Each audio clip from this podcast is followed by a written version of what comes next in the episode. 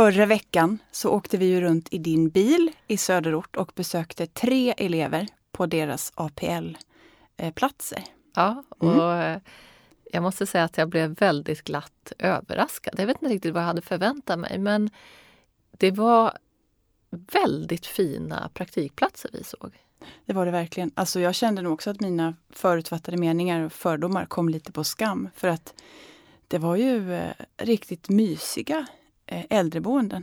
Och Aha. de handledare och gruppchefer som vi träffade var ju otroligt eh, kändes otroligt härligt att få den här insynen i vad eleverna har blivit en del av. För att jag trodde väl kanske att det skulle bli svårt för många av dem att liksom, ta plats eller, eller känna sig bekväma i att ingå i den här gemenskapen. Men det var ju snarare tvärtom. Ja, att de, den personal vi träffade verkade ju verkligen ha tid för de här personerna. Det blev jag glatt överraskad av.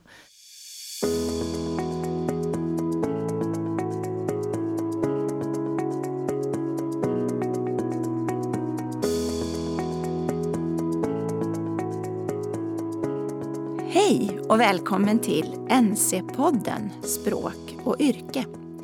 Jag heter Karin Sandvall och arbetar som föreståndare på Nationellt centrum för svenska som andraspråk, eller NC.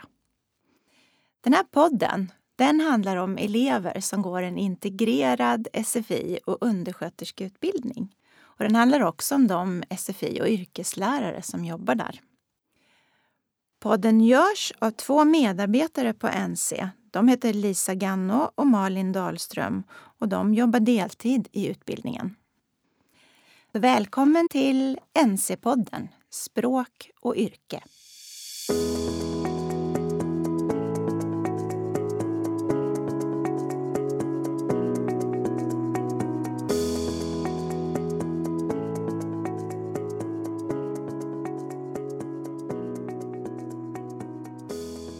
Det var väldigt fina praktikplatser vi såg. Och sen också miljöerna där på äldreboendena. Det fanns ju stimuleringsmiljöer, tror jag att det kallas. Mm. En del av det här stora allrummet på ett av äldreboendena. Där hade man inrett som en liten engelsk pub liksom med, med så stora skinnfåtöljer och någon darttavla och liksom gamla ölflaskor uppe på någon hylla. Och så här muggiga färger. Liksom. Det var mm. jättemysigt. Och det fanns ju också en, en, en frisersalong. Ja. ja. Men inte nog med att det fanns de här, eh, de här miljöerna utan dessutom är det också så att de här eh, äldre på den här avdelningen kan gå och sätta sig i den här puben och ta en öl på kvällen. Ja, eller de skulle vilja det. Så att det är ju inte bara liksom kulisser. Och det rummet där de äldre får håret tvättat, det var ju liksom 50-talstapeter och massa damtidningar. Det var ju inrätt. Eh, alltså väldigt eh, stimulerande, tänker jag. Så att ja, mina fördomar kom definitivt på skam och vi kan konstatera att våra elever ges förutsättningar för aktiv delaktighet mm. och gemenskap mm. på APL. Mm. Vi ska lyssna på, vi har pratat lite med eh, Linda som är gruppchef på ett av äldreboendena. Ja, Lisa, här skulle vi ha klippt in en telefonintervju med Linda som är gruppchef på ett av äldreboendena som vi besökte i fredags. Det gick åt skogen. Eller vi gjorde en jättebra intervju med henne. Två gånger faktiskt. Ja, vi har använt olika appar i telefonen och också pratat med henne via Skype direkt in i poddstudion. Men av för mig oförklarliga skäl så har det strulat jättemycket med tekniken. Ja, så är det. Linda var ju en av personerna vi träffade och eh, på hennes avdelning så är det ju dementa personer mm. som den här eleven möter. Mm. Vad tänker du att det har för betydelse för hennes språkutveckling? Ja, alltså Linda nämnde det lite kort här nu i intervjun, men hon berättade också på plats att när man jobbar med dementa då måste man använda sig av alla sina kommunikativa resurser. Att det handlar ganska mycket om rollspel, alltså att gå in i en, i en roll och kommunicera med alla tillgängliga medel. Och det mm. tänker jag är en ganska, ganska gynnsam miljö för en flerspråkig person. Där man får, eh, får utforska liksom olika sätt att ja, men tolka, läsa av. Vad är den här personen behöver och hur mm. kan jag möta de behoven? För det som måste vara lite knepigt tänker jag, det är ju att när man är demens påverkar ju ofta språket just. Mm. att det kan ju bli så att den här personen eh, pratar väldigt eh, alltså inadekvat. Alltså säger en sak som inte hör hemma i sammanhanget. Ja, ja alltså, då måste man ju ändå... Då måste man kunna tolka ja. hela situationen. Man ja. kan inte bara gå på vad personen säger. För Nej. det kan ju vara lite av varje som kommer ut. Jag tänker också att eh, på somatiska avdelningar, alltså där patienterna har fysiska eh, sjukdomar och krämpor, så kanske kommunikationen är tystare. Ja, jag vet inte. Ja, jag vet inte heller. det, Men det måste vara lite speciellt. Fast de här var ju inte särskilt långt gångna i sin demens. Nej. Utan de var ju, vi uppfattade i alla fall de, de vi såg som att de var eh, fortfarande ganska med i matchen. ja, ja, de satt ju mm. ute i de här uh, allrummen och, mm. och, liksom, och hängde och drack kaffe. Och, ja. och väldigt, eh, vad jag uppfattade, väldigt god stämning. Och precis eh, det man hoppas på så såg vi ju vad som gällde alla de här eleverna. Mm. Att de rörde sig i den här miljön med någon självsäkerhet och man såg att när de pratade med de äldre så kändes de eh, säkrare kanske än när de pratade med oss. Det där var slående faktiskt för mig. Vi har ju bara träffat dem en enda gång i undervisningssituationen mm. i klassrummet. Eh, men jag uppfattade ju verkligen alla tre hade ett helt annat sätt att liksom föra sig, en annan pondus. Mm. Um, det var jättespännande. Mm. Men så vi har ju vi har mycket vi behöver få reda på. Vi behöver ju tillgång till hur eleverna själva har uppfattat praktiken. För ja. att givet, okej okay, vi är helt eh, drabbade av att det var så positivt alltihopa men samtalen som vi förde med gruppchefer, eleven och oss, det var ett ganska asymmetriskt, alltså där finns ju en makt det är inte säkert att elev, om eleven inte var nöjd med sin placering så kanske man inte hade sagt det. I den situationen? Nej. Nej.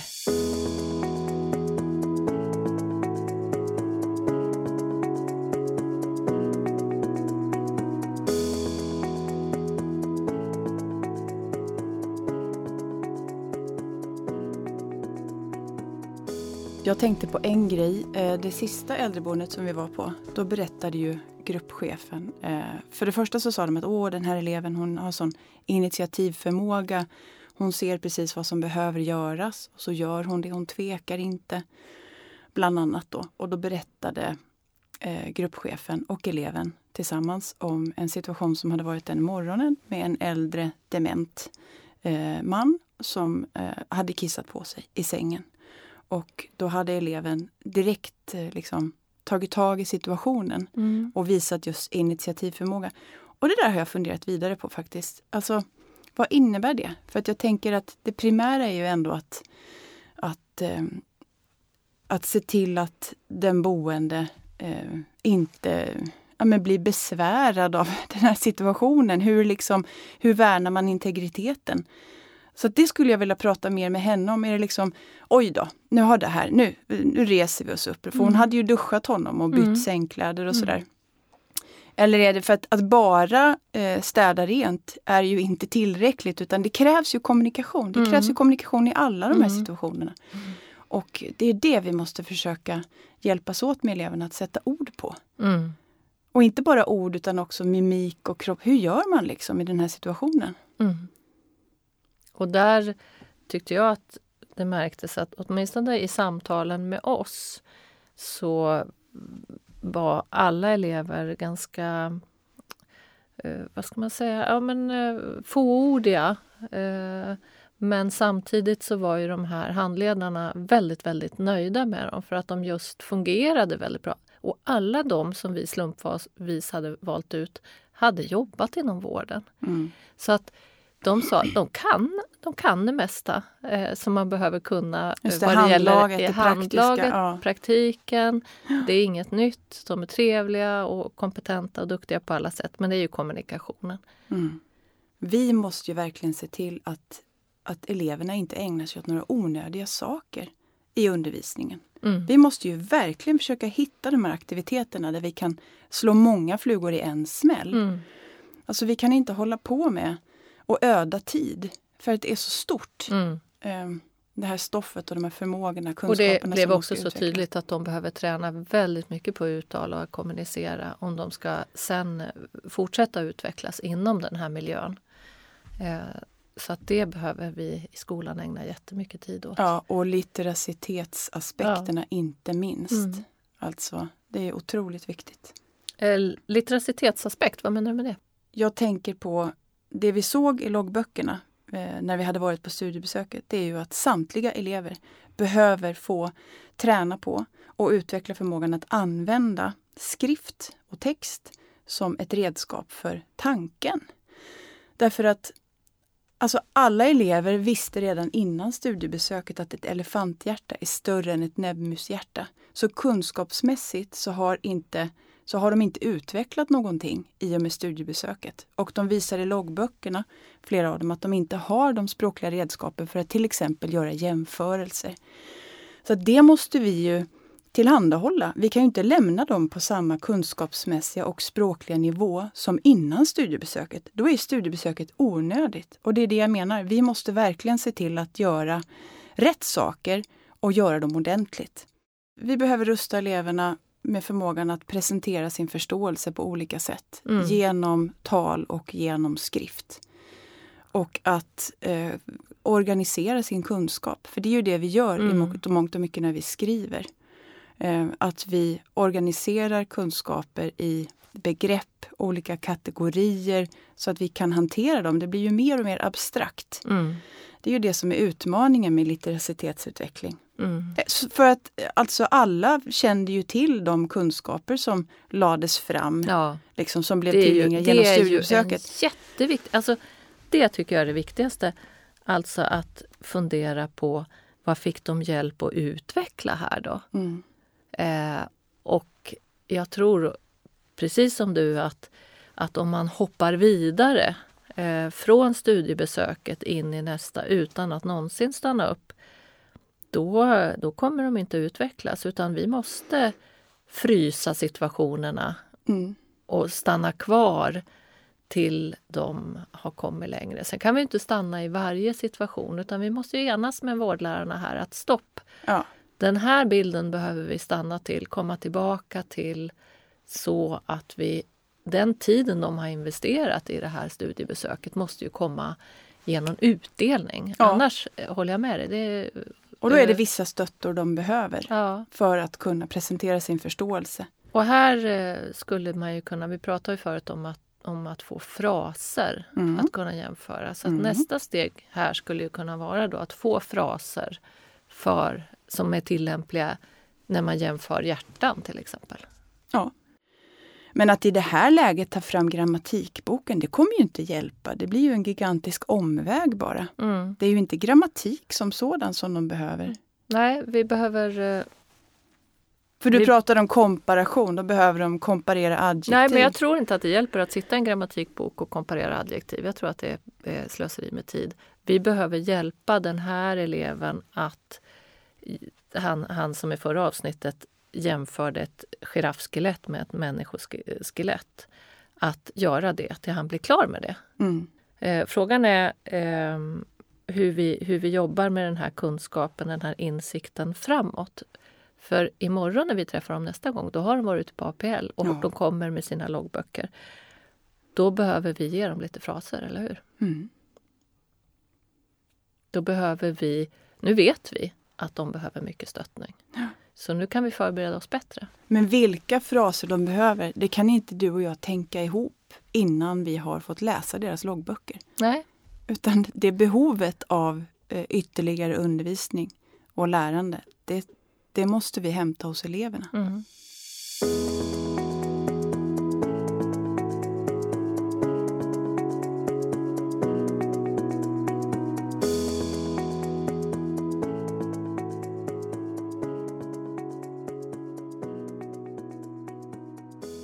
Vad menar du med stöttning när du säger stöttning? Ja, men jag menar då att vi läser deras loggböcker, väljer några eh, och låter dem kanske rollspela kring. Mm. För att träna kommunikationen. Och då, då kan ju vi hjälpa dem att bygga ut så att de också får träna att prata. Att de behöver öva att säga, att uttala. Och då ska de ju träna på, på det som är korrekt. Just det. Vi hade ju möte förra veckan eh, med Ann-Kristin för att Sara, SFI-läraren, var bortrest.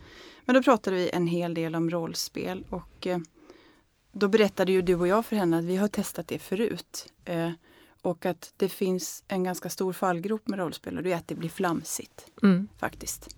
Att det blir spela teater och man, man känner sig lite friare och, och kanske tar ut svängarna socialt. Mm. Men att det inte är nödvändigtvis så att rollspelet innebär en språklig eller kognitiv utmaning utan att det blir någonting annat. Mm. Och då är det en onödig grej som vi faktiskt inte har tid att hålla på med. Nej. Det ska finnas en maktkonflikt, alltså någon som hamnar i underläge någonting. Så det passar ju väldigt bra till etiska problem. Då kan man ju visa vad man tycker att Eh, den, den som spelade rollspelet innan gjorde fel och så kan man fundera tillsammans. Varför tycker jag att det här var fel och varför är det här bättre? Eh, så att eh, det är ju ett sätt att, att, att jobba väldigt praktiskt. Om vi ska koppla det då till det här liksom abstrakta tänkandet som vi hoppas kunna utveckla också. Då skulle man ju kunna alltså, få upp en massa vad ska man säga, reaktioner på det här rollspelet, forumspelet på tavlan. Så mm.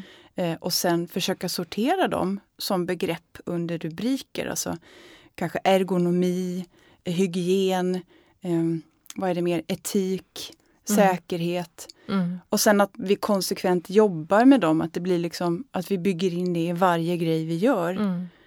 Eh, det får vi kolla med Ann-Kristin om de är ändamålsenliga de här begreppen. Mm. Jag tänker att det vore väldigt bra att, att liksom applicera de här begreppen på det vi jobbar med hela mm. tiden så att det blir en vana. Man skulle kunna ha sådana frågor i loggboken också. Ja. Så småningom liksom.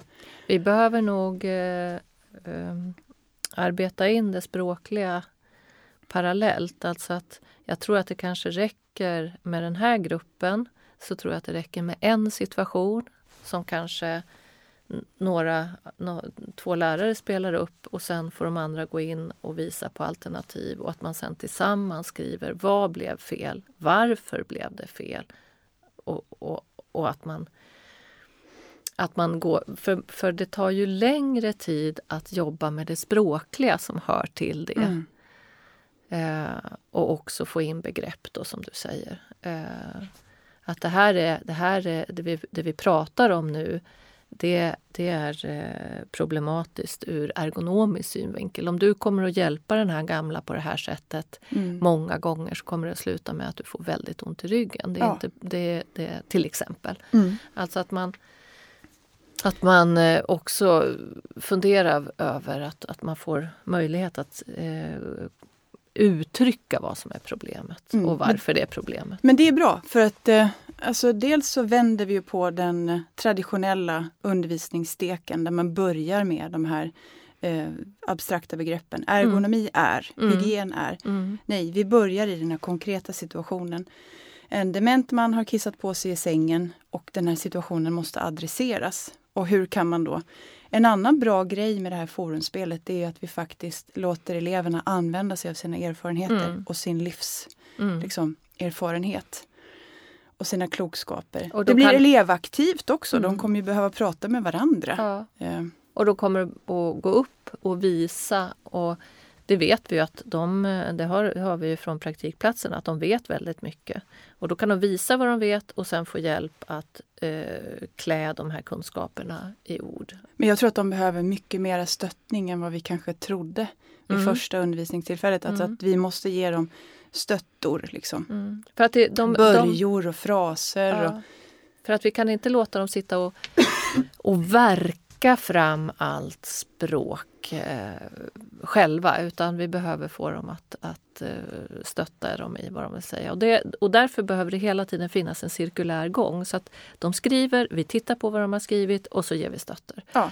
Så att det får vara. Och, och då kommer inte vi att stötta alla elever exakt i sina loggböcker utan vi kommer ju välja ut en par exempel och jobba det måste vidare vi Göra. Så att, så att det, det blir ju ett kollektivt. Känns, eh, generiskt och överförbart. Ja. Eller gemensamt. Ja, men vi måste också modellera det här liksom eh, eh, ref, reflektionsförmågan. Alltså, och, så att vi inte hamnar i det där att vi gör ett forumspel och pratar nu med varandra två och två och mm. någon sätter sig och googlar liksom, hur ska mm. man hur ska man lyfta en, utan att verkligen understryka att jag känner, mm. jag ser, jag tänker. Mm. Eh, jag tycker att. Och sen eh, någonting som har varit tydligt eh, var tydligt en gång vi träffade dem är att de ställde inga eh, kunskapsfrågor till lärarna. Eh, så att vi behöver få igång dem att våga ställa frågor eh, till lärarna på det de inte kan och vet. För det är jätteviktigt att, att vi som språklärare också funderar över vilken ämneskunskap utvecklas här. Mm. Vi, de kan inte sitta och hålla på att träna språk bara utan vilken ämneskunskap är det som uttrycks i den här övningen och vilka frågor lyfts upp. Eh, så att där, eh, det är jätteviktigt att vi får igång deras... Eh, att, de, att de både visar vad de kan och vad de inte förstår mm. hela tiden. Mm. Vi kan inte fastna i, i komparation av adjektiv. Nej, grammatikboken är inte till någon hjälp. Och bara för att understryka det, varför är grammatikboken inte till hjälp för våra elever på studieväg 2? Därför att eh, det är frikopplat från ett sammanhang. Eh, och eh, vi behöver... Vi, jag tror att de kommer att ha mer användning av att lära sig hela fraser som de kan koppla till en situation snarare än enstaka ord i en bok. Det liksom blir inget sammanhang. Nej. Men när man håller på, då kommer också de att ställa frågor. Heter det alltid så här? Mm. Eh, och då mm. är vi dem svaret skyldiga. Varför använder vi eftersom, eftersom ja. och inte därför att? Ja. ja. men utifrån ett funktionellt perspektiv. Därför att elever på studieväg 2 har inte tillägnat sig eh, kunskap om grammatik på sitt modersmål oftast. Har inte den explicita, har inte de schemana, de kategoriseringarna. En elev på studieväg, jag skulle ju kunna eh, kanske lära mig ett främmande språk eller ett andra språk och ta hjälp av att jag har läst en massa språk tidigare. Då, kan jag bygga, då är det liksom en erfarenhet som jag har med mig. Men det finns ingen resonanslåda för det hos eleverna på studieväg 2. Och det blir en sån otrolig omväg att först definiera vad är ett verb? Vad är komparation av adjektiv? Vi har inte tid med det. Vi måste mm. liksom klippa den mm. och gå direkt på vilken funktion fyller de här grammatiska formerna. Mm. Det är det som är typiskt för studieväg 2 och studieväg 1 för all mm. del. Så vi måste få igång ett aktivt flöde och sen när, när de börjar kommunicera, då kommer ju också kommunicera mer och vara aktiva mer. Då kan man ju också sätta sig ner och plugga lite instrumentellt eh, mm. när man känner att det här måste jag kunna, det här måste jag, eh, jag... jag, behöver lära mig orden på alla hjälpmedel. Jag behöver lära mig orden på eh, alla möjliga saker som, som, eh, som, som, finns, verktyg som man använder på arbetsplatsen. Och då har det liksom sin poäng när, man, när det kommer in i någon slags eh, behovskedja. Ja, men det är det där vi måste skruva upp också och kanske anpassa instruktionerna för loggboken utifrån det. Alltså, det var för vitt. Ja, samla tio, alla nya ord, mm. minst tio nya ord. För att det var ju någon elev när vi var på APL-besöket som sa jag har lärt mig en ny maskin som heter eh, och så visste hon inte vad det hette mm. men så hjälpte gruppchefen till. Sen, lyft, menar du lyft? Nu vet inte jag vad det heter, men ja. som man lyfter, lyftkran kan det vara. Men lyft, hjälpmedel. Liksom. Lift kanske? Lyft, lyft.